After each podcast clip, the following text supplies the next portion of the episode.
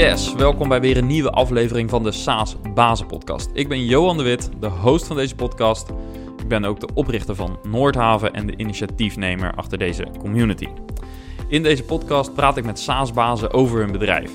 En naast deze podcast is er ook een besloten community voor founders van SaaS-bedrijven of mensen met een C-level functie binnen een SaaS-bedrijf. Je ontmoet daar andere SaaS-bazen en je kunt rechtstreeks met ze communiceren over jouw uitdaging. En je kunt daar je kennis en informatie uitwisselen. Ga naar community.saasbazen.nl en meld je aan. En vandaag gooi je mijn gesprek met een SaaS-baas, Han Kleppen. Hij is de founder van Leadinfo. En Leadinfo is een SaaS-startup, maar het is misschien niet de typische SaaS-startup.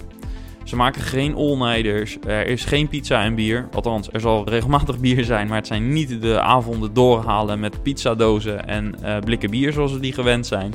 Er is niet de husselcultuur, er zijn geen gesprekken over funding. Maar wat er wel is, is een ontzettend gedreven en ambitieus team dat hard op weg is om de positie die ze in Nederland hebben verworven ook uit te breiden naar andere landen. En Han vertelt in deze podcast hoe hij dat doet. Hoe hij steeds weer een nieuwe manier bedacht om te groeien. En hoe hij steeds weer omgaat met nieuwe fasen waar zijn bedrijf in zit. Maak je dus op voor een heel interessant uurtje, want ik beloof je vuurwerk. Het wordt een heel interessant gesprek. Enjoy. Goed, van harte welkom uh, Han in de SaaS Bazen podcast. Ja, dankjewel, dankjewel. Leuk dat je hier naartoe wil komen. Ja. Uh, we gaan het vandaag hebben over uh, jouw start-up. Ja. heb je zelf opgericht, de Lead Info. Um, ik denk dat daar heel veel over te vertellen is. Ja. Volgens mij ben je een kleine vier jaar bezig als ik... Tweeënhalf, drie. Ja, volgens mij ergens in 2017 ja, klopt. opgericht zo'n beetje. Ja. Um, dus ja, wat dat betreft denk ik genoeg te vertellen over die eerste Ja. jaren. maar voordat we het over Lead Info gaan hebben, kun je misschien zelf, jezelf kort introduceren? Ja, Han Kleppen. Ben inmiddels 34 jaar. Uh, drie kinderen, ik ben getrouwd. Uh, ik heb hiervoor acht jaar als growth hacker gewerkt bij een telecombedrijf. Uh, ik heb in 13 landen merken opgezet met heel veel plezier. En na die acht jaar begon het een beetje te knagen dat ik elke dag een uur heen en een uur terug in de file stond. Eh, terwijl er een klein zoontje thuis was. Dus ik dacht, joh, ik moet iets in de buurt gaan zoeken. Nou, ik kon niet iets echt vinden wat me aansprak. Uh, dus ik ben eigenlijk een beetje uit nood gaan ondernemen. Ik heb een paar businessplannen um, um, uh, opgesteld. Uh, dat varieerde van Hello Fresh voor hondenvoer, Hello Bello, tot en met een webshop um, en tot en met ook hè, deze dienst die ik nu doe. En ik heb eigenlijk de keuze gemaakt om het meest technisch te, te gaan doen wat ik kon verzinnen. Nou, dat was dit. Hè. Dit, was, hè, dit was technisch het meest uitdagend. Om voor mezelf ook weer een bepaalde lat te leggen om ook weer verder te komen. Uh, dus die keuze heb ik in uh, 2017 gemaakt. Dus ik ben in uh, 2017 ben ik begonnen met Leadinfo.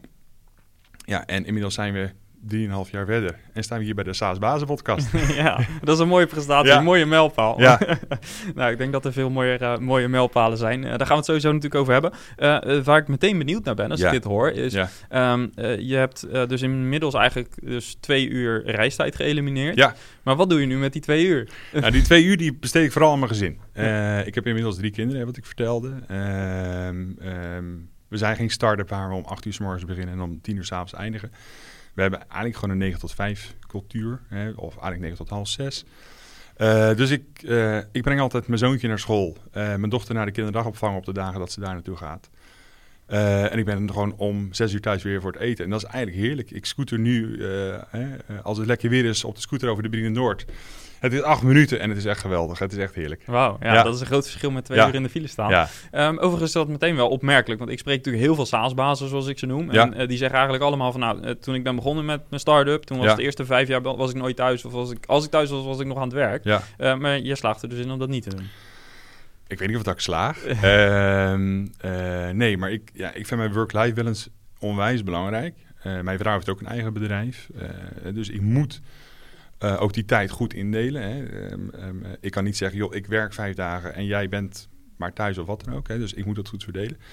Plus, ik vind het gewoon voor mezelf enorm belangrijk om te doen. Ik vind het echt eh, heerlijk om met de kids om te gaan. Heerlijk om even naar de bakker te mensen lopen of wat dan ook. En ik ben wel, kijk, de tijd dat ik werk, ben ik gewoon hyper efficiënt. Dus, en dat train ik ook mijn team, dat train ik mezelf. Jongens, doet dit ertoe? Uh, kan dit slimmer? Kan het efficiënter? Dus die acht uur, ik kom wel echt dood op thuis, zeg maar. Dus het is wel ik prop alles in die acht uur en dat gaat ook goed. Uh, en natuurlijk klap ik wel s'avonds de laptop open. Uh, om nog even wat bij te werken, om wat te controleren of te doen. Ja, maar je hebt inmiddels dus wel echt die work-life balance. Die heb je wel uh, beter dus dan uh, toen met ja, veel ja, ja, en ik zou eigenlijk iedereen adviseren, als je het kan doen, doe het. Want het is, ja, weet je, het is...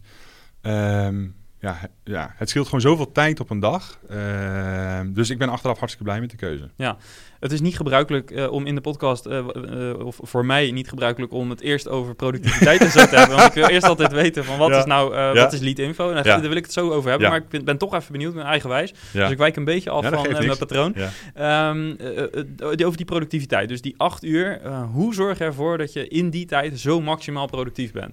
Ik denk dat wij continu kijken van, ehm, eh, en dat kan, als je een developer bent, kan het in zijn of haar vlak zijn, dat kan qua sales zijn, dat we continu kijken van wat heeft de meeste maximale output. Dus als ik ergens een uur instop, eh, of acht uur instop, wat heeft dan op dat moment, die dag of die maand, eh, hoe bereiken we dan het meest? Dus we kunnen in korte tijd zijn wij best wel hard gegroeid, door echt te hyperfocussen op productiviteit, ook op groei. Ehm, ja, en heel gefocust te zijn van wat zorgt echt voor groei. Hè? Je kan met allemaal randzaken bezig zijn. Terwijl eh, ik denk dat onze kracht is dat wij eh, ja, in die korte tijd zijn wij marktleider geworden in wat wij doen. Hè? Ehm, eh, daar hebben we partijen in gehaald die het al 7, 8, 9 jaar doen in de Nederlandse markt. Ja, en dat is gewoon puur harder gaan, harder rennen, harder, hè, slimmer zijn. Ja. Hoe draag je dat over naar je team? Nou, we zoeken mensen die dat ook leuk vinden. Ehm, ja, het, is veel coach. Het is heel veel, het is, het is heel veel uitleggen van wat is de meest slimme manier. Hè? En kan het niet slimmer? En kunnen we dit niet intelligenter aanpakken? En kunnen we dingen niet automatiseren? En we zitten daar best wel op. En als dat eenmaal in je team zit, dan gaan mensen dat ook aan elkaar uitleggen. Dat is ook heel erg gaaf om te zien. Hè? Dus ehm, eh, ik ben er steeds minder mee bezig. Hè? Ik, ben, ik, ik ben daar minder op, op, op aan het pushen, omdat dat steeds beter in het team ook zit. Ja, gaaf. Eh, Ja. be- belangrijk om dit uitstapje even gemaakt te hebben, Ja. want daar was ik benieuwd naar. Eh, zeker ook omdat het een iets ander verhaal is dan wat ik vaak hoor. Het is Ja. vaak de husselcultuur en eh, noem maar op. En eh, de pizza's en Ja, dat soort dingen. ja. Dat valt bij jullie mee. Mooi. Dan toch even over het product. Je hebt al Ja. heel kort even laten vallen. Ja. Lead info. Wat is het product en welk probleem los je op en voor wie? Ja, wij ehm, herkennen zakelijke websitebezoekers. Als je het helemaal plat slaat, doen we dat. Ehm, mensen installeren een pixel op een website. En op basis van die pixel herkennen wij, joh, dit bedrijf, deze BV zit op je website. Die technologie die bestaat al best wel lang. Hè? Die bestaat acht tot tien jaar eh, in Nederland en in het buitenland. Maar toen ik dit begon, wist ik dat ik, op, dat ik met andere algoritmes en met andere datapunten, met andere dingen, meer bedrijven kon herkennen dan de toenmalige markt, hè? dus dan de toenmalige concurrentie. Eh, dat ben ik opgezet. Ehm, ehm, eh, en als mensen die Pixel hebben geïnstalleerd, dan loggen ze bij ons in in de portal, dus is software. En ze zien eigenlijk in één oogopslag precies welke bedrijven erop zitten. Nou, dat hebben we zo makkelijk mogelijk gemaakt. Hè? Dus geen ingewikkelde dashboards met eh, allemaal eh, fancy views of wat dan ook. We hebben gewoon Outlook nagemaakt. Ehm, eh, hè? Dus je ziet live ehm, de bezoekers die, de- eh, maar, die erop zitten. Dat wordt gepresenteerd als een soort e-mail-client. Dus je klikt gewoon door je e-mailtjes als het ware heen en dat zijn de bedrijven. En aan de rechterkant moet je zien, hè, waar je in Outlook je e-mailtje opent. Daar openen wij het eh, profiel van een bedrijf. Daar tonen we KVK-data, eh, daar tonen we sociale profielen, daar tonen we omzetcijfers, wie de directeur is, het, ehm, het laatste nieuws van een bedrijf, welke pagina's hebben we bezocht. Dus het is een hele handige tool met een hele lage leercurve. Hè, dus je zit er heel snel in.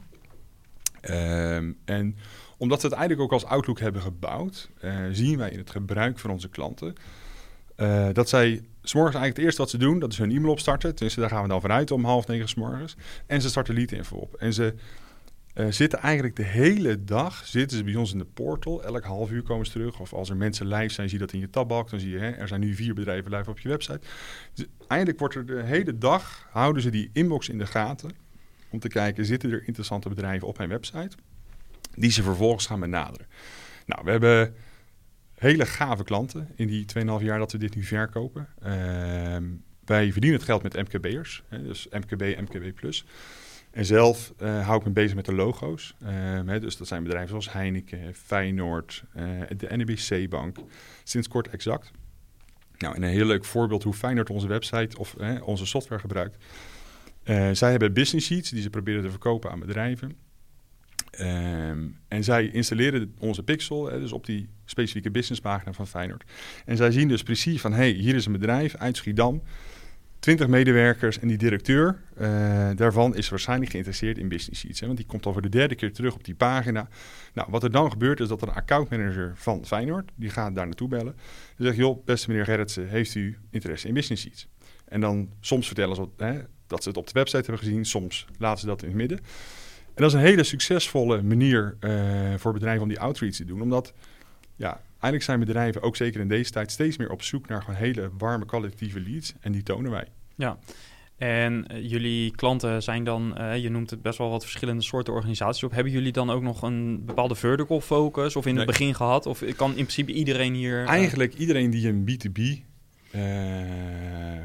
klantenportfolio heeft, is interessant voor ons. Kijk, wat niet zo interessant voor ons zijn, zijn de hele grote webshops.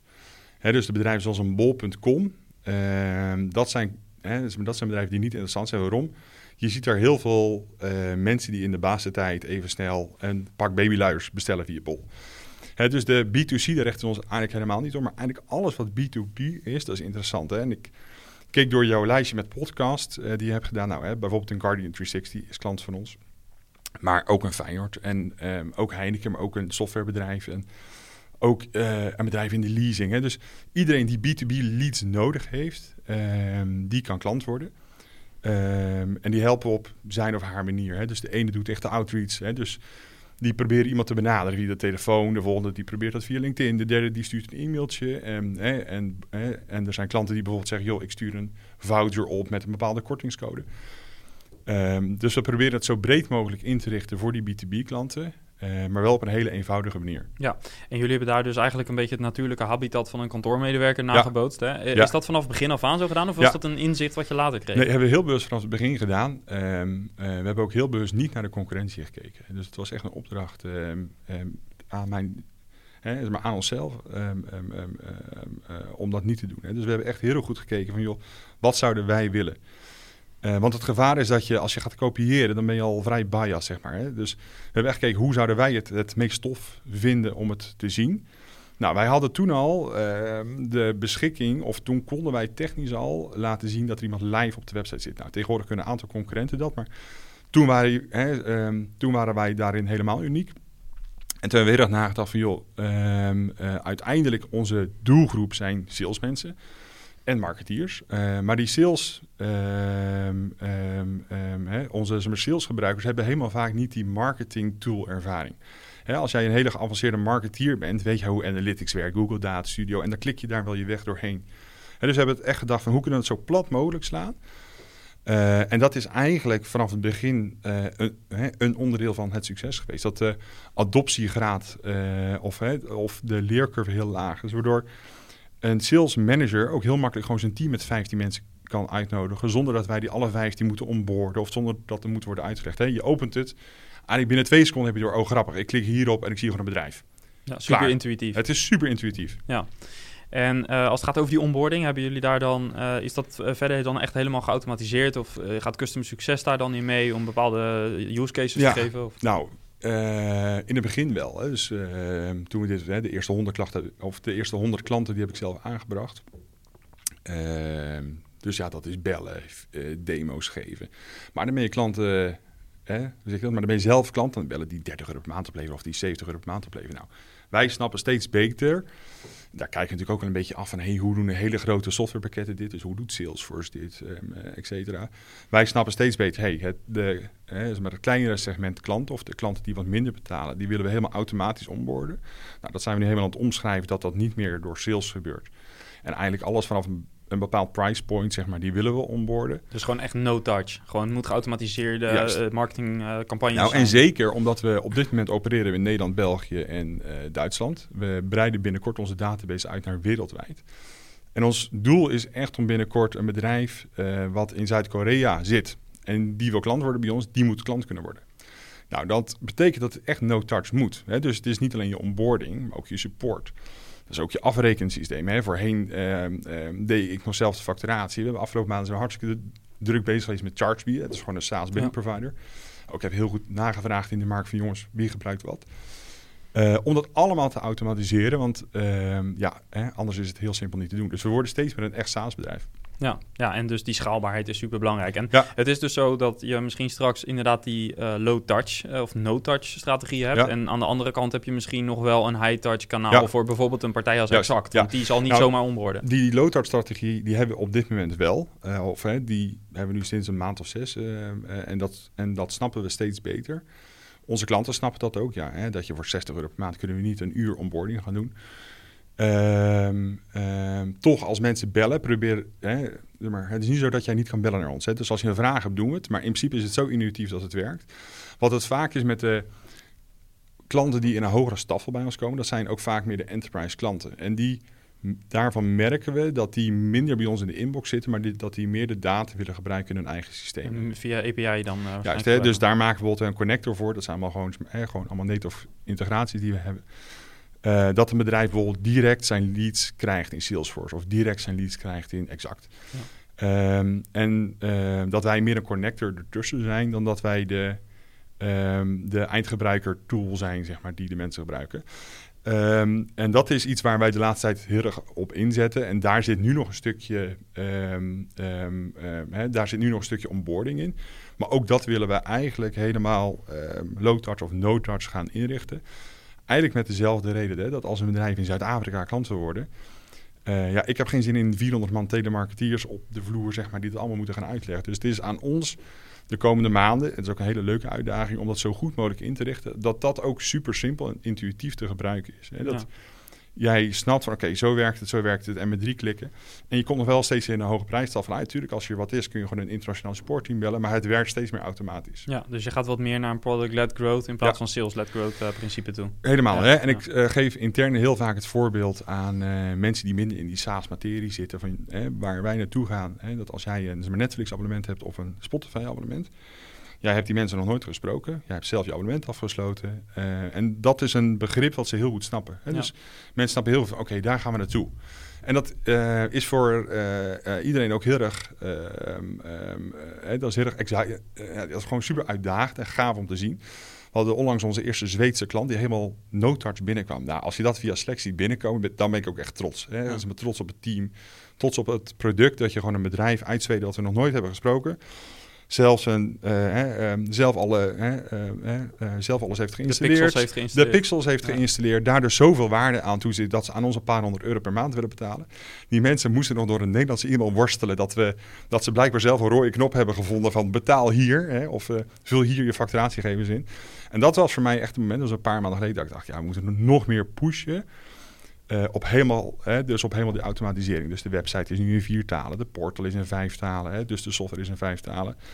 Uh, dus het afrekenmodel, dat is in vijf talen. Dus we willen dat steeds meer helemaal naar dat notarts. Ja, dus frictie weghalen aan de gebruikerskant, maar ook zeker binnen de organisatie. Dat er zo weinig mogelijk handmatige handelingen moeten gebeuren. Uh, ontzettend uitdagend uh, traject lijkt me dat. Uh, super gaaf dat je in die fase terecht bent gekomen. Um, wat, wat zijn een beetje de grotere uitdagingen die je tot nu toe daar hebt gehad? Ik, bedoel, ik kan me voorstellen dat het factureren, dat je, als je dat zelf doet, dat dat dan inderdaad gewoon een, een soort van belemmering is. Ja, nou, wat, wat zijn andere voorbeelden? Nou, ik heb, dat, ik heb daarin een, een fout gemaakt door dat heel erg door dat heel erg lang zelf te doen. En ik heb eigenlijk geleerd de afgelopen maanden dat ik heel vaak de trechter ben met stroop, zeg maar, in de organisatie. Eigenlijk omdat ik het team wilde helpen. Dus ik zei, weet je, ik doe de website nog wel even. Ik zet die facturen wel online. Of ik doe die nieuwsbrief wel. Of ik doe wel het factureren. Om eigenlijk de developers vrij te houden om te, bouwen aan hele kikke producten. En op een gegeven moment zat ik thuis s'avonds en uh, ik zat echt een soort, uh, ik was echt een soort nou, hè, mijn, hè, dus ik, mijn hoofd zat vol. Ik dacht, ja, hoe moet ik dit nog allemaal doen? En mijn vrouw zei, ja, maar waarom doe jij dan nog steeds de website? Je hebt super goede programmeurs. Ik dacht, ja, ik ben eigenlijk stom ook dat ik dit doe. Hè, dus de volgende dag uh, naar onze is mijn frontender toegelopen. Uh, ik zeg, Jeff, wil je dat alsjeblieft? Ja, tuurlijk. En binnen een uur stond die vacature erop. Ja, dacht ik, ja. Geweldig. Hè, dus ik ben dat steeds meer ook zelf als ondernemer aan het leren van, joh, uh, ik, ik moet dat niet meer doen. Ik moet tijd vrijmaken om echt aan het bedrijf te werken. In plaats van in het bedrijf. Een beetje zo'n zeg maar, cliché quote. Maar het werkte voor mij wel heel erg goed om dat te beseffen. En eigenlijk ben ik inmiddels vrij. Hè? Dus de, de facturatie gaat nu helemaal automatisch. Onboarding gaat automatisch. Sales gaat automatisch. En heb ik tijd ook voor dit soort dingen. En, en, en, heb ik tijd om met mensen te praten van... joh, hoe doen jullie de strategie? Dus ik was, voor, uh, ik was van de week bij een Utrechtse bedrijf, Channable. Super grote start-up.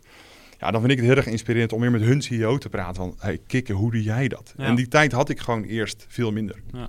Ja, gaaf. Dus eigenlijk een beetje van eh, uit je founderrol groeien Ja. meer naar CEO. Ook Ja. al ben je dat op papier natuurlijk al die tijd Ja. al, maar dat is wel een Klopt. andere profiel uiteindelijk. Ja. Nou, en dat is, het is ook heel erg leuk om eh, eh, daarop ook, ook terug te kijken. Dat het bedrijf elk jaar of elke anderhalf jaar een andere rol van mij vraagt. Hè, dus het eerste half jaar had ik geen developer in dienst. Dus heb ik keihard zelf aan die algoritmes gebouwd om die data te matchen. Toen heb ik Marine aangenomen, echt mijn lead developer en mijn helpende hand en alles. Eh, heeft overigens gewerkt voor een andere start-up die jij onlangs hebt gehad, Color Concept. Ja, Super grappig. Ja, heel leuk. Ja. Eh, hartstikke blij. Dus toen samen met Marie nog een half jaar verder gebouwd. Eerst een jaar ontwikkeld. Eh, toen zijn we op de webwinkel vakdagen live gegaan in 2018. Daar kwam ik jullie tegen. Oh, grappig. Cool. Ja, dat wist ik niet. Ehm, en toen kwam ik veel meer in de rol als verkoper. Van, hey, die eerste klanten moeten binnenkomen. Dus gewoon een telefoon gepakt. Nou, dat zit in me om te bellen. Vind ik hartstikke leuk om te doen. Bellen, bellen, bellen. Dus het tweede jaar veel meer de verkoop. Het derde jaar veel meer van, oké, ik moet een team gaan opbouwen. Hoe gaan we de partnerprogramma opzetten? Hoe gaan we online marketingbureaus gaan we benaderen? En nu ben ik weer veel meer in de rol aangekomen van... hey, welke kant gaan we op met het product zeg global? Dus het is heel gaaf om jezelf uit te vinden. Het is ook wel heel erg uitdagend. Maar dat komt ook omdat je die lat daar zelf legt. Er zijn natuurlijk zat bedrijven die zeggen... joh, ik zit nu in Nederland. Ik vind het eigenlijk wel dikke prima. Maar zelf, er zit iets in je dat je zegt... ja, maar ik wil ook naar Zweden en ik wil ook naar Singapore. Dus... ehm, elke keer leg je voor jezelf ook weer die lat hoger om weer die uitdaging ook weer aan te gaan. En als je me drie jaar geleden had gevraagd, wil jij een bedrijf in Singapore klanten hebben? Dan zeg ik, ja, ben je gek? Dat is allemaal veel te veel werk. Nou, dan denk ik, ja, waarom niet? Kikken. Ja. Ja, maar dat is natuurlijk ook het proces. Hè. Eh, Dat, dit Ja. zeggen heel veel SaaS-bazen inderdaad, eh, ook Ja. in de podcast. Eh, want je kunt het, het, het zelf factureren kun je als fout zien. Maar aan de andere kant, het was op dat moment de, het was op dat die moment, had. precies. Hè, dus, dat Ja. wa- hè, dus, hè, dus dat is het. Maar ik probeer heel erg wel te kijken naar mezelf. En ook als je het hebt over die, eff- eh, maar, over die maar, efficiëntie van, daarvan te leren. Maar dan ook wel echt wat aan te doen. Want er zijn natuurlijk heel veel mensen die iets herkennen. Maar, en dat dan blijven doen. Maar ik probeer het dan wel te herkennen en dan wel gewoon binnen een week te fixen. En natuurlijk duurt die implementatie langer. Eh, maar er wel wat echt aan te doen. En juist door er echt een stap te nemen, die soms ook best wel moeilijk is, ook in je team of wat dan ook. Juist door wel zo'n knoop door te hakken, dat zijn vaak, merk ik, de eh, punten, zeg maar, waardoor je weer even ergens een nul achter kan zetten. Hè? Dus waardoor je een nul zet achter je aantal klanten. Of waardoor, hè? En dat merk je gewoon heel sterk. Nou, kun je een voorbeeld noemen van zo'n eh, situatie waarin je dacht van ja, dit, dit wordt echt even een hele pittige, maar als ik hem gedaan heb, dan eh, hebben we voor onze volgende doorbraak. Nou, kijk, wij hebben heel veel technische uitdagingen. Want wij zitten qua data, zijn data verwerken wij gewoon vreselijk veel data. Dus elk half jaar of elk jaar vinden we met ons development team, moeten we een andere uitdaging of weer oplossen, zeg maar. Of moeten we onszelf opnieuw uitvinden om die hoeveelheid data die wij verwerken aan te kunnen. En er zijn een paar punten geweest, dat zijn wat technische punten, dus dat is soms te technisch wat om uit te leggen. Maar waar we wel hebben gezegd met het team van jongens, dit worden gewoon echt even een hele paar bitse weken. Als we dit hebben, ehm, dan kunnen we wel weer een stap maken. Maar je, hè, je weet als founder dat je op dat moment wel weer echt even heel veel gaat vragen van je team omdat we nog steeds een klein team zijn. Hè? Ik doe het zonder funding. Ik probeer het ehm, met een hele hechte groep gasten hè, ehm, dit te bouwen. Ehm, en dat zijn wel technische hiccups die je weer voorbij moet om daar te komen. Hè? En eigenlijk is zo'n facturatieproces omzet is eigenlijk weer zo'n stap. Hè? Je factureert duizenden facturen. Dat moet eh, automatisch. Dat klinkt heel simpel. Maar het zit altijd in die edge cases. Snap je? Iemand die Ja. dan toch weer per kwartaal wil betalen. En die partner betaalt ergens voor. En dat is een holding met zes groepen accounts. En die dingen. Hè, dus je vraagt heel veel van je mensen. En dan is het aan mij als founder ook wel weer de taak om vervolgens even een periode van rusting te bouwen. Van jongens, nu gaan we weer een stuk onderhoud doen. Of nu pakken we weer de wat, wat makkelijkere features. ehm, eh, om die aan te pakken. Ja. Eh, eh, stuur je dat zelf ook aan, het, eh, het development en product development, of heb je inmiddels een product owner zitten die daar meer mee bezig is? Ik, ik probeer het nog wel steeds zelf te doen. Ik heb wel inmiddels mijn broertje aangenomen. Die kwam bij Shell vandaan. Die zit heel erg op de procesmatige kant. Die vond Shell te groot worden. Of ja, het is, hè, te groot worden, hè, zo de cijfers. Maar die vond het niet leuk genoeg voor zichzelf. Heel lang over nagedacht, veel samen gepraat. Ik blijf degene die verantwoordelijk is voor het product. Maar hij geeft heel goed aan tegen mij van... Hij zegt, jij bent degene die aan het begin erbij is. Dus jij zet je visie neer, die stip op de horizon. Die functionaliteit willen en daar willen we naartoe. Het proces ertussen wordt eigenlijk gemanaged. Dus de scrum meetings, de stand-ups. eh, eh, dus dat soort dingen, dat doet hij. En al voordat het live gaat wil ik zien... jongens, is dit wat ik ook in gedachten had? ja. Ehm, en daar ben ik heel erg blij mee. Omdat je ehm, dat managen om, eh, om, om het elke dag te doen, dat zit minder in mij. Daar ben ik te chaotisch voor. Ja. En uh, daar heb je nu dus een, uh, Ja. een rechterhand in. Ja, eh, ja, en dat is echt top. Ja, gaaf. Ehm, over jullie eh, groei. Eh, je, hebt, eh, je geeft aan eh, best wel snel gegroeid natuurlijk Ja. in de afgelopen jaren. Ehm, ook de concurrentie inmiddels voorbij in Nederland. Eh, de volgende stap is wereldwijd. Ja. Ehm, in Nederland hebben jullie... eh, nou, ik heb jullie op de Webweek vakdagen gezien. Eh, ik zie wel eens wat eh, Google Ads voorbij komen. Eh, maar ik zie ook dat jullie best wel veel voor eh, partners doen. Ja. Of via partners doen, via, agencies. Eh, kun je daar eens wat over vertellen? Hoe hebben jullie dat aangepakt om daar een netwerk in te bouwen? Nou, toen ik begon was ik heel eigenwijs. Ehm, dus ik dacht, ja, dit gaan we gewoon zelf verkopen. Dat is gewoon makkelijk. Ik, heb, eh, ik zet gewoon, gewoon een paar telemarketeers neer en we gaan dit verkopen. Dus we stonden op de webwinkel vakdagen en er kwamen allemaal mensen naar me toe. Ja, mogen wij dit voor je verkopen? Ja, sorry, daar heb ik echt geen zin in. Weet je, het is allemaal gedoe en nee, dat doen we niet. Weet je, wij verkopen dit, wij snappen hoe dit werkt en, en klaar. Toen kwam er een eh, jongen naar me toe, Serkan, van WeMessage. En eh, die zei, ja, maar dit is veel slimmer als je het ook via partners verkoopt. Hè? Copernica is een grote mailprovider in eh, Nederland. Die zegt, joh, die hebben zo'n partnerprogramma, partnerdagen, partnerbadge. En toen dacht ik, nou, weet je, misschien moet ik het toch wel gaan doen. Eh, ben ik met Michael gaan praten van Copernica. Ik probeer altijd soort slimme mensen om me heen te verzamelen. Van, joh, hoe werkt dit? Goed eh, is me goed gevraagd. Zij vragen bijvoorbeeld geld aan partners. Maar ik heb de growth hack verzonnen door gewoon geen geld te vragen aan partners. Dus ben jij een online marketingbureau, mag je ons gewoon gratis gebruiken. Punt. Voor, je, voor jezelf dus. Ja, hè, dus voor jezelf, voor je eigen website mag je gratis gebruiken. Want wat zagen wij? eh wij hadden in het begin een paar, eh, hè, een paar telemarketeers zitten. Wij waren druk bezig met het bellen naar online marketingbureaus. Zeiden allemaal, ja, ik heb zoiets al ooit gebruikt. Twee maanden, hè, ik heb er toen twee maanden voor betaald. En toen ben ik ermee gestopt, want ik had er zelf niks aan. Hoe komt dat? Die online marketingbureaus, daar, daar klotst het geld tegen de klippen. Die hebben gewoon een enorme groei eh, kunnen ze elk jaar maken. Omdat er gewoon heel veel nieuwe klanten bij komen. Dus voor, onze, dus voor, onze, voor hunzelf was het voor insights, dus voor de inzichten was het interessant. Maar voor sales eigenlijk Dat totaal was niet. een nice to have en geen Het was. Ja. Dus toen heb ik gezegd, jongens, we gaan het gewoon gratis weggeven. Eh, nou, dat is zeer succesvol. Eh, en de enige voorwaarde is, je plaatst een partner badge op je website. Dus naast jouw Google Ads badge, plaat je ook de lead info badge. Hè. Dat is eigenlijk de enige voorwaarde. En het is leuk als je over ons blogt, want dan krijg je een taart en dat soort dingen. Dus wat gebeurt er? Er hebben honderden marketingbureaus in Nederland hebben een lead info certified partner badge. Inmiddels ook in België. Ehm, en inmiddels zorgt dat model voor een heel substantieel eh, aandeel van onze groei. En het is niet te wijten eh, aan één partner. Het is dus niet één grote partner in Nederland die al onze groei, maar het is echt een longtail.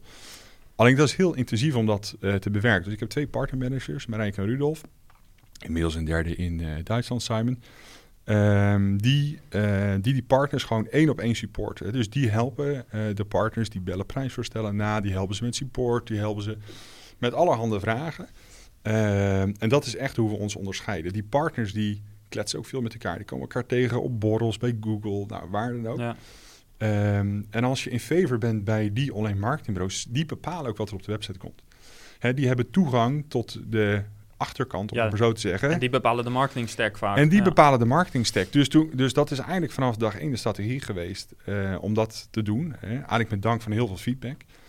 Ehm, nou, dat zijn we nu aan het uitrollen in Duitsland. Dat willen we gaan uitrollen in de Nordics. Ehm, hè, dus gewoon één, twee partnermanagers per land. Eh, en dat gewoon gaan. eh, hè, en dat daar ook daar weer gewoon gaan uitrollen. Dat is gewoon een hele succesvolle strategie. Ja, gaaf. Merk je nog verschil in eh, hoe daar het Duitse partnerkanaal werkt, hoe die agencies werken en hier in Nederland? Merk je daar bijvoorbeeld cultureel verschil? Of... Nou, wat je meer merkt in het buitenland, hè, we hebben daar nu twee jongens zitten, Lothar en Simon, is dat je ehm, echt weer een tweede bedrijf aan het opbouwen bent. Hè, dus de credit, zeg maar, en de charme die je hier hebt als ondernemer of als founder, als je jezelf zo noemt, die heb je daar niet. Hè? Dus in Nederland konden mijn partnermanagers zeggen, ja, Han, die is op BNR geweest. Hè? En dan besturen ze even link. Het is ook een soort social proof, zeg maar, van kijk, we zijn super, het is super, hè? het gaat goed met Ja. ons. In Duitsland ben je gewoon een Nederlands bedrijf. En dan merk je opeens van, hey, er zijn heel andere dingen belangrijk om in een ander land te starten dan in Nederland. Hè, dus wat we zien in Duitsland is marketing. Dus een goede website, goede folders is veel belangrijker. Waarom? Je hebt niet de charme eh, van een Nederlands bedrijf. Hè? Als je een bug hebt in Nederland, belt dan een developer. Ja, sorry mevrouw, het is inderdaad super vervelend. Ik ben het nu aan het oplossen. En als je naar het buitenland gaat, moet alles perfect zijn. Dus je onboarding moet perfect zijn, je marketingmateriaal moet perfect zijn, je resultaten die je herkent, die moeten perfect zijn. Want je hebt veel minder, ja, hè, ehm, Nou, credibility heb je nog dat niet is het. echt, Nee, eh, ja. precies. Hè? Dus dat merk je. Tegelijkertijd merk je dat ehm, eh, Duitsers wel heel erg openstaan voor nieuwe technologie, omdat het land technisch toch nog wel iets achterloopt. Je hebt waanzinnig grote start-ups daar. Ehm, eh, denk, aan, denk aan Deliveroo, denk aan Zalando. Nou, het is een mega kantoor. Ja, maar is Berlijn is- B2C. Ber- Maar de- Berlijn is natuurlijk fantastisch. ja, ik heb er rondgelopen. Ik heb er nu twee jongens zitten. Ik heb er rondgelopen. Ik heb mijn ogen. Ja, ik dacht dat. Amsterdam cool was qua start-ups. Niet normaal wat Ja. daar zit. Heel leuk om te vertellen. We hebben nu bijvoorbeeld een partner online marketing Rockstars, OMR. Nou is daar echt het grootste online marketing platform van Duitsland te vergelijken met e-merse, maar dan keer 10. Hebben hip-hop sterren op het podium staan, dat soort dingen. Nou, het netwerk wat die jongens meebrengen en wat die doen, dat is echt enorm daar. Hè? Dus het helpt heel erg om met ervaren jongens daar te starten. Maar wat het eh, is, eh, B2B marketing loopt daar nog best wel achter. Hè? In Nederland hadden we tien aanbieders die dat doen. Dat zijn er inmiddels een stuk minder, zeg maar, eh, die dit aanbieden, zeg maar omdat hier die bedrijfsdata wat makkelijker toegankelijk ook is dan in Duitsland. Dus in Duitsland concurreren wij maar tegen één partij, eh, anderhalve partij om het maar zo te zeggen. Dus de technologie is daar veel nieuwer. En die bedrijven lopen B2B technisch ook wat achter. Hm. Dus ze zijn nu een traject gestart om te, eh, niet alleen te kijken, oké, hoeveel Google Premier partners heb je in een land om ergens te starten of wat, dan, maar ook eh, hoe erg loopt een land eigenlijk op internet achter. Eh, want dat is voor ons best wel een leuke graadmeter om daar naar te kijken. Ja. ja, omdat je dan eh, aan die volwassenheid kun je, Ja. aan de hand van die volwassenheid kun je beslissing nemen Ja. of zo'n land inderdaad interessant is. Ja, gaaf. En ehm, ja, eigenlijk liet je het net zelf al vallen en in de voorbespreking hadden we het er ook even over. Ja. Ehm, het gezicht zijn van een merk. Ja. Hier in Nederland, eh, je bent op BNR geweest, eh, nee, op LinkedIn eh, ben je misschien in aantal posts misschien niet super actief. Maar Nee. als je iets doet, heeft dat over het algemeen Ja. veel engagement. Je bent zichtbaar via, via verschillende, bijvoorbeeld de webwinkelvakdagen. Ehm, maar ik heb je ook horen zeggen dat je niet zo'n fan bent van nou, je zegt, de cheerleader rol, zeg maar, Nee, om voorop te lopen. Hoe komt dat? Ja, dat zit niet echt in me. Ik, eh, ik moest ook heel erg twijfelen om aan deze podcast mee te doen. Niet, hè, ehm, eigenlijk niet vanwege de host, maar weer de naam is Saas Baas. Ik denk, ja, ik voel mezelf helemaal geen baas. Weet je. Er zijn bedrijven die veel kikker zijn, die veel groter zijn dan mezelf. Ja. Daar, hè, daar ben ik echt eerlijk in. Dus ik heb een beetje nagevraagd in het team van jongens, is dit slim om te doen? Kijk, als ik ergens kan spreken, dan doe ik het. Hè. Dus ik ben uitgenodigd bij, eh, bij eh, AWS om daar te spreken. Ik word wel eens gevraagd, dat soort dingen. Maar het is een rol die me goed afgaat, maar die me niet altijd ligt. Laat mij maar lekker een beetje op de achtergrond gewoon, gewoon, gewoon kikke dingen maken. Ehm, eh, en ik ben niet zo van het braggen, zeg maar, van kijk eens hoe cool we zijn. Hè. Dat doen de klanten. Ehm, maar tegelijkertijd moet ik wel die rol steeds meer aannemen. Hè. Dus ik heb nu sinds eh, eh, een maand eens een keer een fatsoenlijke foto op LinkedIn. Want mijn vrouw zei al 2,5 jaar, Han, deze foto kan echt, echt zo'n vakantiefoto op de bank. Met, met, met, hè, met mijn dochter op de bank en dan is je hoofd uitgesneden. Eh, dus dat zijn wel dingen die ik ook op persoonlijk vlak moet veranderen. Waarom? Omdat je ook nog eens een keer merkt dat, eh, eh, zeker ook weer in het buitenland, kijken mensen weer veel meer. Hey, hè, die gaan echt even je profiel bezoeken. Van hey, en hoe ziet het eruit? Ik moet zeggen, hoe, nu mijn LinkedIn-profiel ook een stuk professioneel is, komen er ook heel andere mensen op je profiel kijken. Ja. Dat is echt grappig en die willen je toevoegen, dat soort dingen. Ja, Dus het is een rol ja. die ik mezelf steeds meer moet aanleren, maar die me niet per se ligt. Hè. Ik heb pas sinds 2,5 jaar LinkedIn. Gewoon puur voor, hè, puur voor zeg maar, lead info. Daarvoor had ik het niet. Nee, maar goed, eh, ook daarvoor geldt wat ik vaak zeg. Wie is de CEO van Fiat of American Ja, Airlines het, of ja. zo? Weet je, ja, dat, niemand weet het. Nee. En sorry voor de meneer als die luistert. maar ja, gewoon niet zichtbaar. En Nee. eh, je vult er elke willekeurig andere automerk in. Geldt eigenlijk hetzelfde. Alleen wie is CEO van Tesla? En iedereen weet het wel. En dat betekent, daarmee zeg ik niet dat per se personal branding voor de CEO dat dat nou de doorslaggevende factor is. Maar ja. het kan natuurlijk wel helpen. En wat je zelf ook zei, de credibility die je hier in Nederland daarmee hebt opgebouwd, die Ja. zorgt er ook voor dat een deur wat makkelijker open gaat. ja, nee, Dus, eens. Tuurlijk, dus zeker in zo. die zin is dat, Ja. eh, is dat wel... eh, Ja, nou, en het is ook echt iets wat ik mezelf moet aanleren. Ik ben niet van de netwerkborrels. Ik ben één keer naar zo'n foundersborrel geweest. Ik ben daar gewoon niet op mijn gemak. Nee. Hè? Ehm, ehm, ehm, eh, ik vind het ook leuk, de rol van mijn broertje. Die vindt dat veel leuker om te borrelen, dat soort dingen. Dus die gaat ook wat meer actiever gaat hij naar die borrels toe. Eh, maar laat mij maar gewoon lekker thuis zitten en gewoon, eh, hè, en gewoon, gewoon zeg maar, in die zin mijn ding doen. Ehm, hè, dus maar tegelijkertijd, ik probeer wel heel goed te kijken van oké, wat is de impact? Hè? Dus bijvoorbeeld zo'n online marketing rockstars, ja, daar investeer ik echt veel tijd in zelf. Eh, en als ik daar een keer op een podium moet in Duitsland, dan zal ik het ook echt doen. Maar het is echt om het bedrijf verder te krijgen. Ik hoef, stel dat we hier ooit mee stoppen, over vijf tot tien jaar bleven we wel zijn, en ik ga weer iets doen in die looten, dan zal ik het ook weer allemaal verwijderen, zeg maar. Het is echt gewoon om het bedrijf nu te helpen. Eh, maar ik, ik ben niet heel bewust bezig een personal brand op te bouwen van hangkleppen van eh, dit. Nee. Uh, ja, en, en ik snap ook, hè, uh, je probeert natuurlijk ook je team wat verder naar voren te schuiven. Ja. Je partnermanagers moeten ja. natuurlijk met name daar het verschil maken. En uh, ja, in die zin heeft die aanpak ook zich wel bewezen, kunnen we zeggen. Dus wat dat betreft is dat denk ik ook goed. Um, je geeft net aan, internationaal willen we eigenlijk in ieder land zou het technisch moeten kunnen werken. Um, hoe, ik snap, we hoeven er geen heel technisch verhaal nee. van te maken, want dan ga ik ook wel een million dollar question vragen stellen waarschijnlijk. Maar als, je, als je een klein beetje hier in Nederland uh, heb je bijvoorbeeld koppeling met Kamer van Koophandel gegevens bijvoorbeeld. Ja. Althans, dat, dat zie je in beeld ja. bij jullie. Uh, hoe, hoe zou je die database in het buitenland op kunnen bouwen? Nou, dat is heel complex, want je uh, hebt per land heb je te maken met leveranciers en je hebt met royalties. Dus je moet je voorstellen, je gaat naar de Kamer van Koophandel toe en je zegt, joh, ik wil gewoon een dump van de database hebben. Zeggen ze, ja, nou, dat is goed, maar dat kost je 1 miljoen. Dan zeggen ze gewoon, dat kost je helemaal Nou, en dan ga je naar andere leveranciers op zoek. Dus ja, is goed, maar dat kost je 100.000 euro. Dus je gaat continu op zoek naar, oké, wie kan welke data waar uh, aanbieden.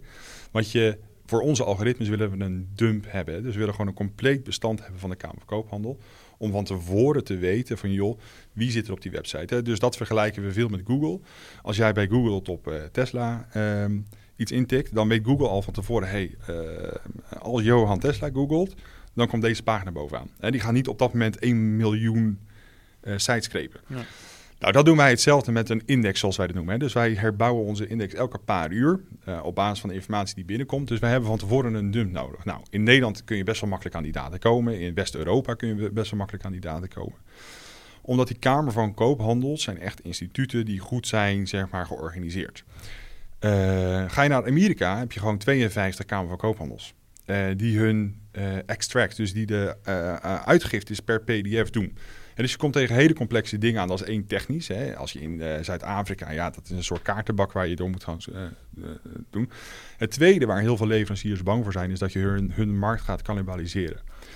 Dus een leverancier die verdient in principe zijn geld. De Kamer van Koophandel die verdient geld ehm, met, met zeg maar een extract voor jou. Dus jij zegt, joh, ik wil alle start-ups in de regio van Rotterdam die minder dan een jaar oud zijn met meer dan 10 werknemers, die wil ik namens mijn bedrijf, ga ik die het sturen. Nou, dat koop jij voor 1000 euro, koop jij een lijst met 10.000 adressen. Dus die adressenselectie, zeg maar, daar wordt geld mee verdiend. Dus als jij naar een leverancier gaat en zegt, joh, ik wil graag jouw hele database hebben, zeggen mensen, ja, is leuk. Maar wat ga je ermee doen? Dus wij zijn elke keer in elk land, in elke regio, zijn wij heel veel tijd kwijt met het uitleggen van, joh, zo gebruiken we het. dus het wordt in software gebruikt. Um, mensen kunnen het wel downloaden, maar kunnen niet een hele dump downloaden. We gaan heel veilig met die gegevens om. Dus zijn uh, hele complexe processen. Er is bijna geen partij in de wereld die het straks voor elkaar heeft, net wat wij hebben, om gewoon, een, om gewoon alle, alle bedrijven wereldwijd in je database te hebben. Het is, uh, en dat is een uitdaging die ik voor mezelf ben aangegaan anderhalf jaar geleden. En die uh, nu bijna is gelukt. We zijn bijna daar. Um, en dat is tegelijkertijd, uh, betekent dat wel, daar gaat zoveel geld erom. Hè. Dat zijn deze twee ribben, dus daarom sta ik een beetje krom. He, maar daar, eh, maar dat, en daar gaat zoveel geld erom dat je tegelijkertijd het, ja, in stand verplicht bent om vervolgens ook echt te kijken, hoe gaan we dat dan kapitaliseren? He, dus straks hebben we Russische bedrijfsdata. Nou, hoe bouwen we nou zo'n monster qua marketingmachine. Dat wij Russische ondernemers en Russische B2B-marketeers gaan bereiken. Op een hele efficiënte manier met een klein team vanuit Rotterdam. Ja. dat is, en dat, is, en dat, is, dat triggert mij als founder. En dat triggert het team enorm van om nog efficiënter en nog slimmer te denken van wat gaan we doen? en dat is niet alleen onboarding, maar ook hoe wordt je outreach? Hoe bereik je iemand in Zuid-Korea? wat Um, wat voor automatische marketingmachines moet je bouwen om dat te doen? Nou, daar zijn we heel ver mee. We, zijn, we hebben best wel mooie technologie uh, om dat te doen. Um, um, dus dat gaat ook zeker lukken. Ja, maar dat zijn dus wel steeds uh, enorme uitdagingen, ook op technisch vlak. Nou, en uh, ook op technisch vlak. Hè? Dus ook voor ja. de developers. kijk, wat de jongens die voor ons werken... wat het voor hun uitdagend maakt. Kijk, weet je, tuurlijk, de vrijdagmiddagborrel, weet je, allemaal dingen twee monitoren, maar daar zit het helemaal niet in. Wat voor hun het, het kicken maakt om voor lead info te werken, is dat zij elke keer weer zoveel meer technische uitdagingen hebben. Want je moet je voorstellen, en dan wordt het een heel klein beetje technisch, maar als jij 4 miljoen Nederlandse bedrijven in je database hebt zitten, dat is voor heel veel mensen is dat al veel. Hè? 4 miljoen transacties bijvoorbeeld is al heel veel. Dus 4 miljoen bedrijven in de database is heel veel. Nu gingen we naar 70 miljoen en straks ga je naar 300 miljoen. Maar elke keer moet je wel andere technologie gebruiken om dat ook weer aan te kunnen. Snel, om, om dat snel te doen, et cetera. dus eh, juist ook door die groei mee te maken, eh, trigger je jezelf en het team om continu het beste uit jezelf te halen. En dat is gewoon hartstikke gaaf. Ja. Wat is, als ik je zo hoor, wat is je, ja, sommige mensen noemen het een B-hack, of wat is uiteindelijk de, de, de droom, zeg maar, of het doel waar je... Ja, dat vragen heel veel mensen. Mijn, en dan komt er een heel suf antwoord, sorry. Mijn droom is echt gewoon dat ik het leven kan leiden wat ik nu leef. Ehm, dus, hè, dus gewoon mijn kinderen naar school brengen, daar gewoon tijd in besteden. Ik heb een hele leuke hobby. Uh, dat te doen, zeg maar. Wat is die hobby? Uh, ik jaag. Uh, dus ik help boeren met schadebestrijding als er ganzen op een land zitten, dat soort dingen. En ik schiet kleiduiven. Dus dat zijn geen dieren, maar dat zijn van die Mhm. dingen die je in de lucht schiet. Ja. En ik probeer daar ook heel soms gewoon op woensdagmiddag gewoon even een paar uur voor te blokken. Dat is dan minder efficiënt. Ook voor het team om gewoon eens even zonder hand op kantoor te zijn. Ja. Maar ook voor mezelf gewoon even het kopje leeg te maken. Maar mijn droom is vooral om dat te kunnen blijven doen. Ik heb nooit, eigenlijk vanaf het begin al niet een droom gehad van... joh, ik wil eh, zoveel eh, eh, MRR of ik wil zoveel mensen hebben of ik wil in deze landen zitten. Ik, wil, ik ben heel erg bezig van joh, hoe ben ik een goede vader? Hoe ben ik een goede echtgenoot? En hoe is die, die work-life balance? En als ik kan blijven groeien met de huidige inspanningen en... ehm, eh, eh, mijn huidige energielevel, om, om zo te zeggen, want die jonge kinderen vragen ook veel van je. Eh, dan blijven we zeker groeien. En het is ook, ik probeer daarom ook mensen rond me heen te ehm, zoeken ehm, ehm, ehm, die daarin mee kunnen gaan. Dus die soms snappen dat ik even een halve dag niet ben. Of die snappen dat ik pas om negen uur op kantoor ben. Eh, eigenlijk met die reden. En eh, ja, je zegt zelf, het is misschien heel suf, maar ik vind het wel meevallen. Ik denk dat het juist heel mooi... nou ja, ik denk dat dat juist heel mooi is als je Ja. dat voor jezelf weet. Want Ja. het, het, het neemt ook... Het geeft denk ik juist ook heel veel rust. Dat geeft heel veel rust, echt te waar, doen waar je, eh, eh, wat je moet doen. Het- het- volgens mij een duidelijkere focus kun je niet hebben. Nou, en dat zorgt dus echt voor hyperfocus. Want als je dat weet, dan weet je dat je in zeg maar, relatief beperkte tijd het maximale uit jezelf moet halen. Het maximale uit het product moet halen, uit het team moet halen. Ehm, ehm, eh, en dat geeft veel meer voldoening, want dat merk ik echt. Elk doel wat je jezelf stelt qua omzet, dat haal je toch wel. Tuurlijk is het goed om je doelen te communiceren. Dat heb ik geleerd de afgelopen jaren. Van een doel wordt iets, zodra je het uitspreekt, zeg maar intern, dan ga je er met z'n allen aan werken. Hè. Dus we hadden een doel 25 buitenlandse klanten. Of we hadden een doel zoveel duizend euro omzet. Maar ja, en als je het dan hebt, snap je, dan dat geeft geen bevrediging. Nee, want Eh, het schuift altijd op. want want- eh, precies, hè? ja. Du- hè, dus dat schuift toch elke op. Dus je houdt jezelf voor de gek. Ik zit, als ik nu terugkijk naar de omzet die we twee jaar geleden draaiden, eh, dan ben ik niet minder tevreden. Want ik wist hoeveel werk daar toen in zat. Maar ja, inmiddels, hè, dus, dat, hè, dus maar dat schuift allemaal op. Dus het is voor mijzelf, hè, ik wil niet zeggen dat voor iedereen moet zijn, maar voor mijzelf is dit een heel goede modus die ik al jaren heb. Die ik ook echt vanaf de start zo heb ingericht, zeg maar. En daar ook gewoon, gewoon echte mensen rondgezocht die dat ook zochten. Dus ik zeg bij bijna elk sollicitatiegesprek, als ik denk dat iemand dat zoekt, hè, dat iemand een start-up zoekt waar je tot 12 uur s'avonds zit. Sorry, maar dat zijn wij niet. Als je dat wil met je team, dan moet je dat doen, maar het hoeft niet. En we vragen het ook echt niet van je. En ook dat is duidelijk naar de mensen die Ja. eh, er nu zitten. Ja.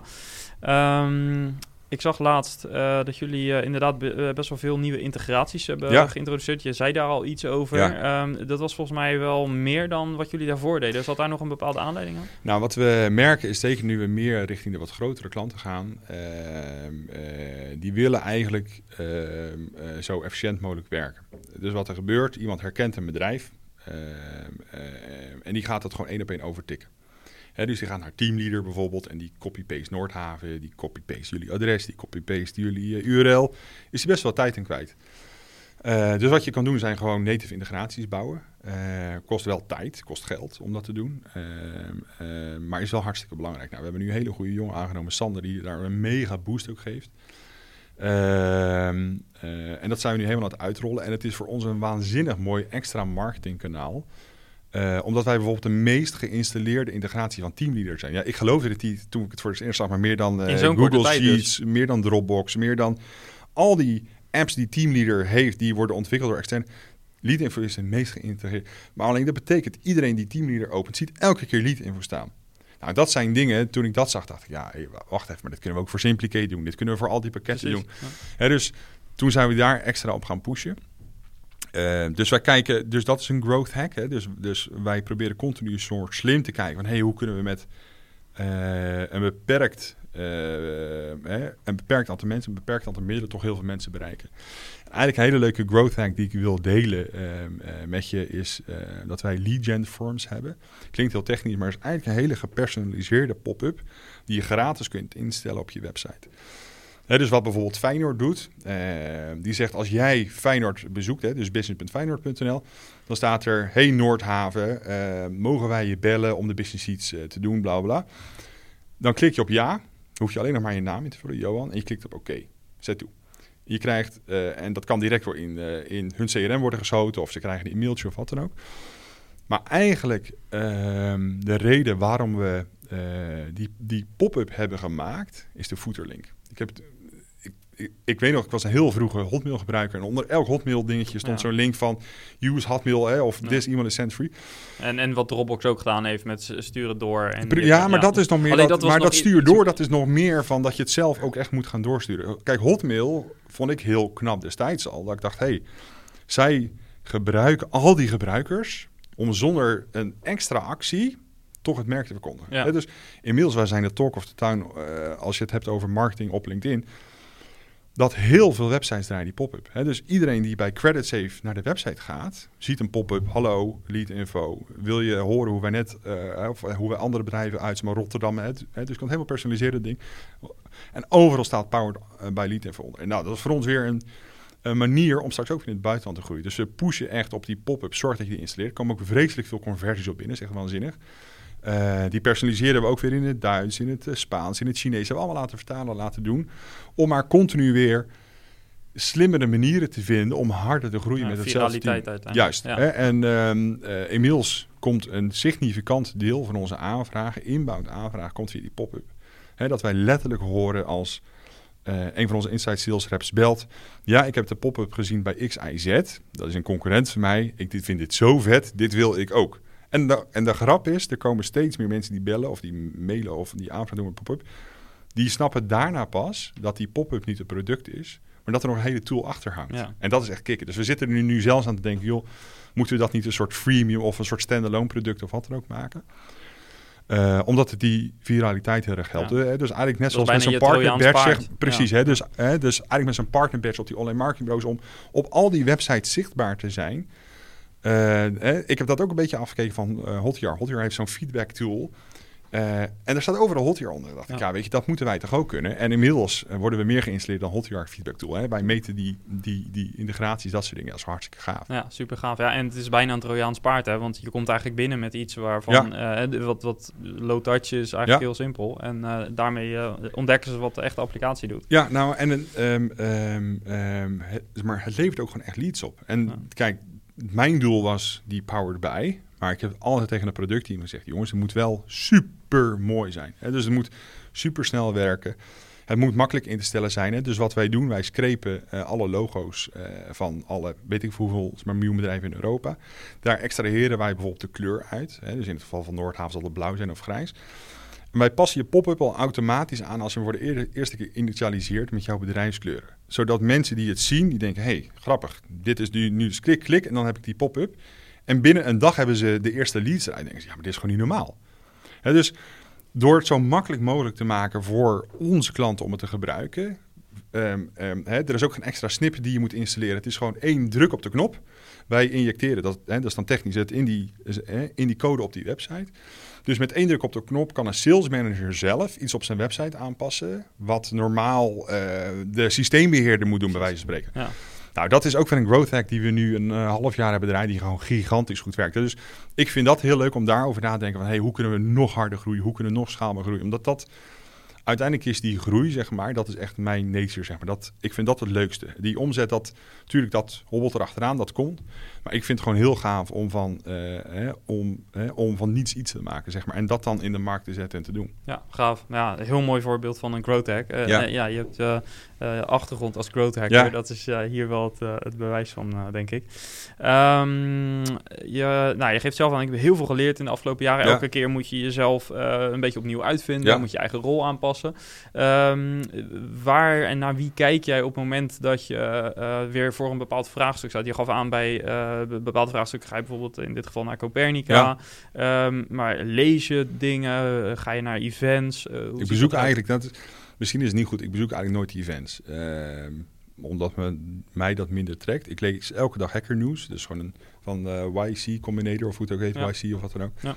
Elke dag. Ik lees veel tweakers, dus allemaal meer technisch.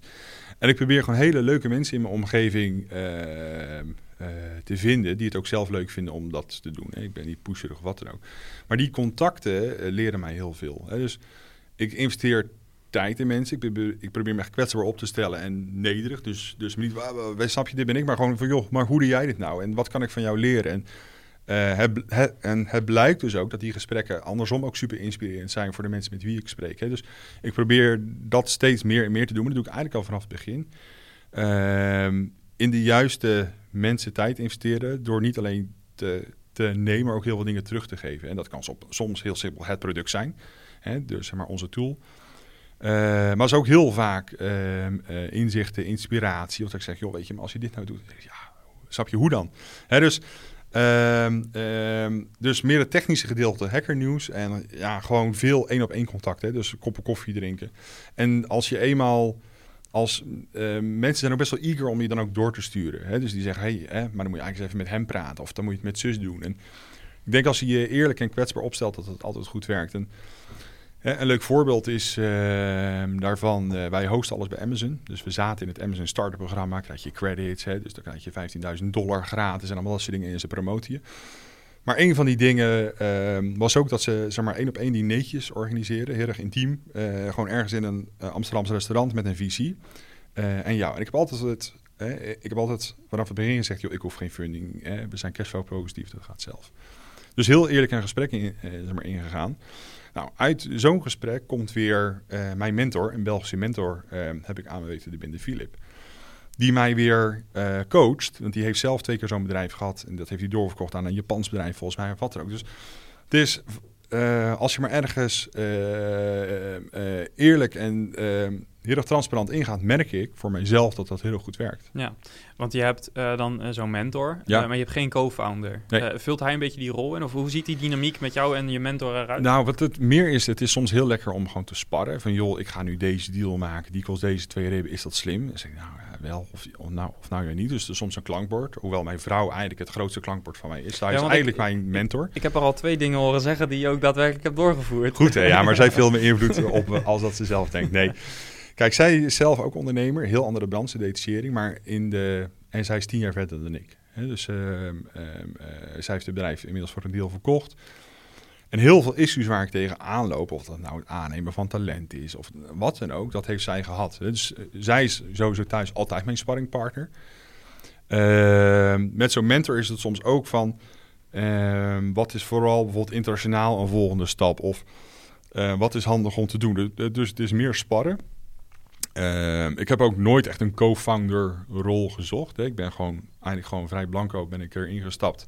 Ook helemaal niet wetende wat er speelt in die start-up scene. Hè. Dus eigenlijk hè, dan, hè, hè, er komen mensen naar je toe. Oh, grappig, hè, heb je funding of, hè, of uh, seed of doe je dit bootstrap? En dan zit ik echt zo te googlen. Van, wacht even, geen flauw idee. Wat je, heb je, ik, ik, ik, ik, zit helemaal niet in dat start-up wereldje, wat dan ook.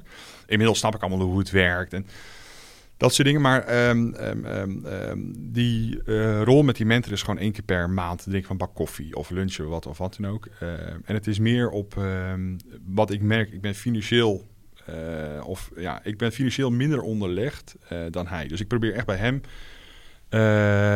aan hem te vragen van joh. Wat zijn bijvoorbeeld de structuren die jij aanbiedt bij jou, hè, bij de investeringen die jij draait? Nou, dan komt hij met een one-pager met 40 hè, met 40 punten met invloed, een soort standaard in de SaaS-wereld. Dat wist ik helemaal niet. Dan denk je, wauw, weet je, super vet. Ja. Um, um, hè, dus, maar wat is je MR? Wat is je churn? Wat uh, zijn je marketing spend? Zodat je eigenlijk in één sheet zie je alles. Ja. Nou, dat zijn dingen waar je zelf niet zo snel achter komt. Hè, dus ik probeer ja, bij iedereen een soort te leren en gewoon heel eerlijk te vragen: joh, hoe werkt dit? En dan helpen mensen je weer zoveel stappen verder. Uh, waardoor je het zelf allemaal niet meer hoeft uit te zoeken. Ja, dus gewoon echt zorgen dat je heel veel goede mensen om je heen Ja. hebt. Dat is wel een beetje de rode draad van wat ik Ja. hoor. Hè? Dus zowel in je team als de Ja. mensen daarbuiten Ja. ja. om je heen. Ja. Ja. Mooi. Ehm, zijn er nog, ehm, eh, tot slot, zijn er bepaalde tips waarvan je zegt van nou, dat eh, heb ik toegepast, heeft mij heel erg geholpen. Of eh, boeken die je gelezen hebt, of nou, andere bronnen, inspiratie. die- Ja. Nou, ik heb, ehm, eh, ik lees heel eerlijk gezegd alleen tijdens vakantie. Maar als ik dan lees, ik heb een boek gelezen, Startup of Founders heet dat. En met allemaal niet founder verhalen, maar gewoon meer grappig. Eh, onlangs een heel leuk boek gelezen van die Netflix CEO. eh, dit gaat me nooit lukken. En, eh, of nee, dit gaat je nooit lukken of zoiets. En dat is een kreet die ik altijd hoorde van mensen rond mij heen. Van, joh, dit is zoveel data wat jij wil gaan verwerken, dat gaat je nooit lukken. En dat was voor mij juist een trigger. Dus het zijn soms, die boeken is soms meer lekker om te lezen. Dat je denkt, oh ja, grappig, zijn we precies hetzelfde probleem. Want je denkt soms dat je de enige bent. En dan lees je een boek en oh nee, grappig. Zelfs in, in Amerika op een kantoor heeft, heeft iemand precies dezelfde issues. Ehm, en, wat ik dan gewoon vaak doe, is gewoon heel simpel. Bij Bol kijk ik, joh, wat zijn er dan nog andere boeken die er dan nog meer Ja, gelezen ja. worden? En die pak Ja. ik erbij. Ehm, ik ga nu wat meer podcast luisteren, denk ik. Ehm, nee, ja, ik, ik, ik, ik heb best wel wat jongens die naar me toe komen en dan, dan aan mij vragen van, joh, ik heb dit, dit idee, wat vind je ervan? Nou, ik vind het altijd een soort moeilijk om daar wat van, te, wat van te zeggen. Het enige wat ik gewoon zou dan zeggen, is gewoon, ga het gewoon doen. En dat zie ik, er zijn heel veel mensen, zeg maar, die, die, het, die het willen, maar uiteindelijk de allermoeilijkste stap in ondernemen is gewoon die eerste stap, dat, hè, dat is het doen. Ehm, ehm, eh, en ik merk dat ik die stap, hoewel die super spannend was, want ik zei gewoon een hele eh, mooie, goed betaalde baan op. Eh, terwijl ik, toen had ik twee kids volgens mij. Ja, twee. Eh, en ik ben gaan ondernemen. En natuurlijk is het heel erg moeilijk en kom je hele moeilijke dingen tegen. En moet je jezelf elke keer weer oppeppen en het weer doen. En de eerste klant die nee zegt is een mega teleurstelling. Terwijl nu, ja, denk ik, ja, een beetje boeiend. Ehm, hè, dus, eh, maar, het, maar, maar het uiteindelijk echt doen, dat is super belangrijk. En ik had, eh, het was super leuk van de vakantie. Mijn zusje die zegt, ja, ik wil eigenlijk iets in de fotografie gaan doen. Ik zeg, ja, gewoon doen. Nou, ik kreeg van de week een appje van haar met een hele mooie foto. En ze zegt, ze, ja, dank je Han. Ik vind dat je echt mijn voorbeeld bent. En ik denk, nou, dat is echt super kick om te horen. Ja, ja zeker. Ja, en, en het mooie is ook, eh, je gaf aan het begin van het gesprek, eh, of voor het gesprek, gaf Ja. je al aan van ja, eh, weet je, ik wil niet te veel op de voorgrond treden, Nee. want ja, er zijn organisaties en SaaS-bazen die hebben 200, 300 man in dienst. Ja. Maar tegelijkertijd is dit juist, iedereen heeft zo weer zijn eigen verhaal en Ja. staat in een situatie waar hij of zij in zit. En ja, ik denk dat zeker de mensen die, die doen, dat daar naar kijken, dat dat eh, in, het meest interessant is Ja. en het meeste aanzet tot, eh, tot actie. Ja. Helemaal goed. Ehm, ja, ik wil je heel erg bedanken voor alles wat je hebt eh, willen delen Ja. over Lead Info en over ja, de manier waarop je dat nou ja, tot nu toe hebt, hebt laten groeien. Ik ga het ook zeker verder volgen. We gebruiken jouw software regelmatig. Top. Dus ja, interessant om sowieso bij, betrokken bij te zijn. En eh, ja, heel veel succes ook met eh, stappen nog verder naar het buitenland. En eh, ja, ik ben benieuwd eh, waar, het, waar het naartoe gaat. Thanks man.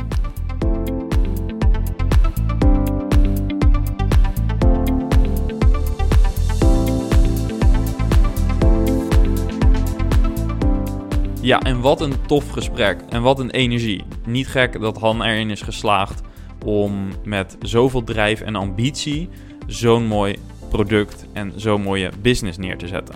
En dat naast het feit dat hij er ook nog in lijkt te slagen om een goede balans te vinden tussen werk en privé.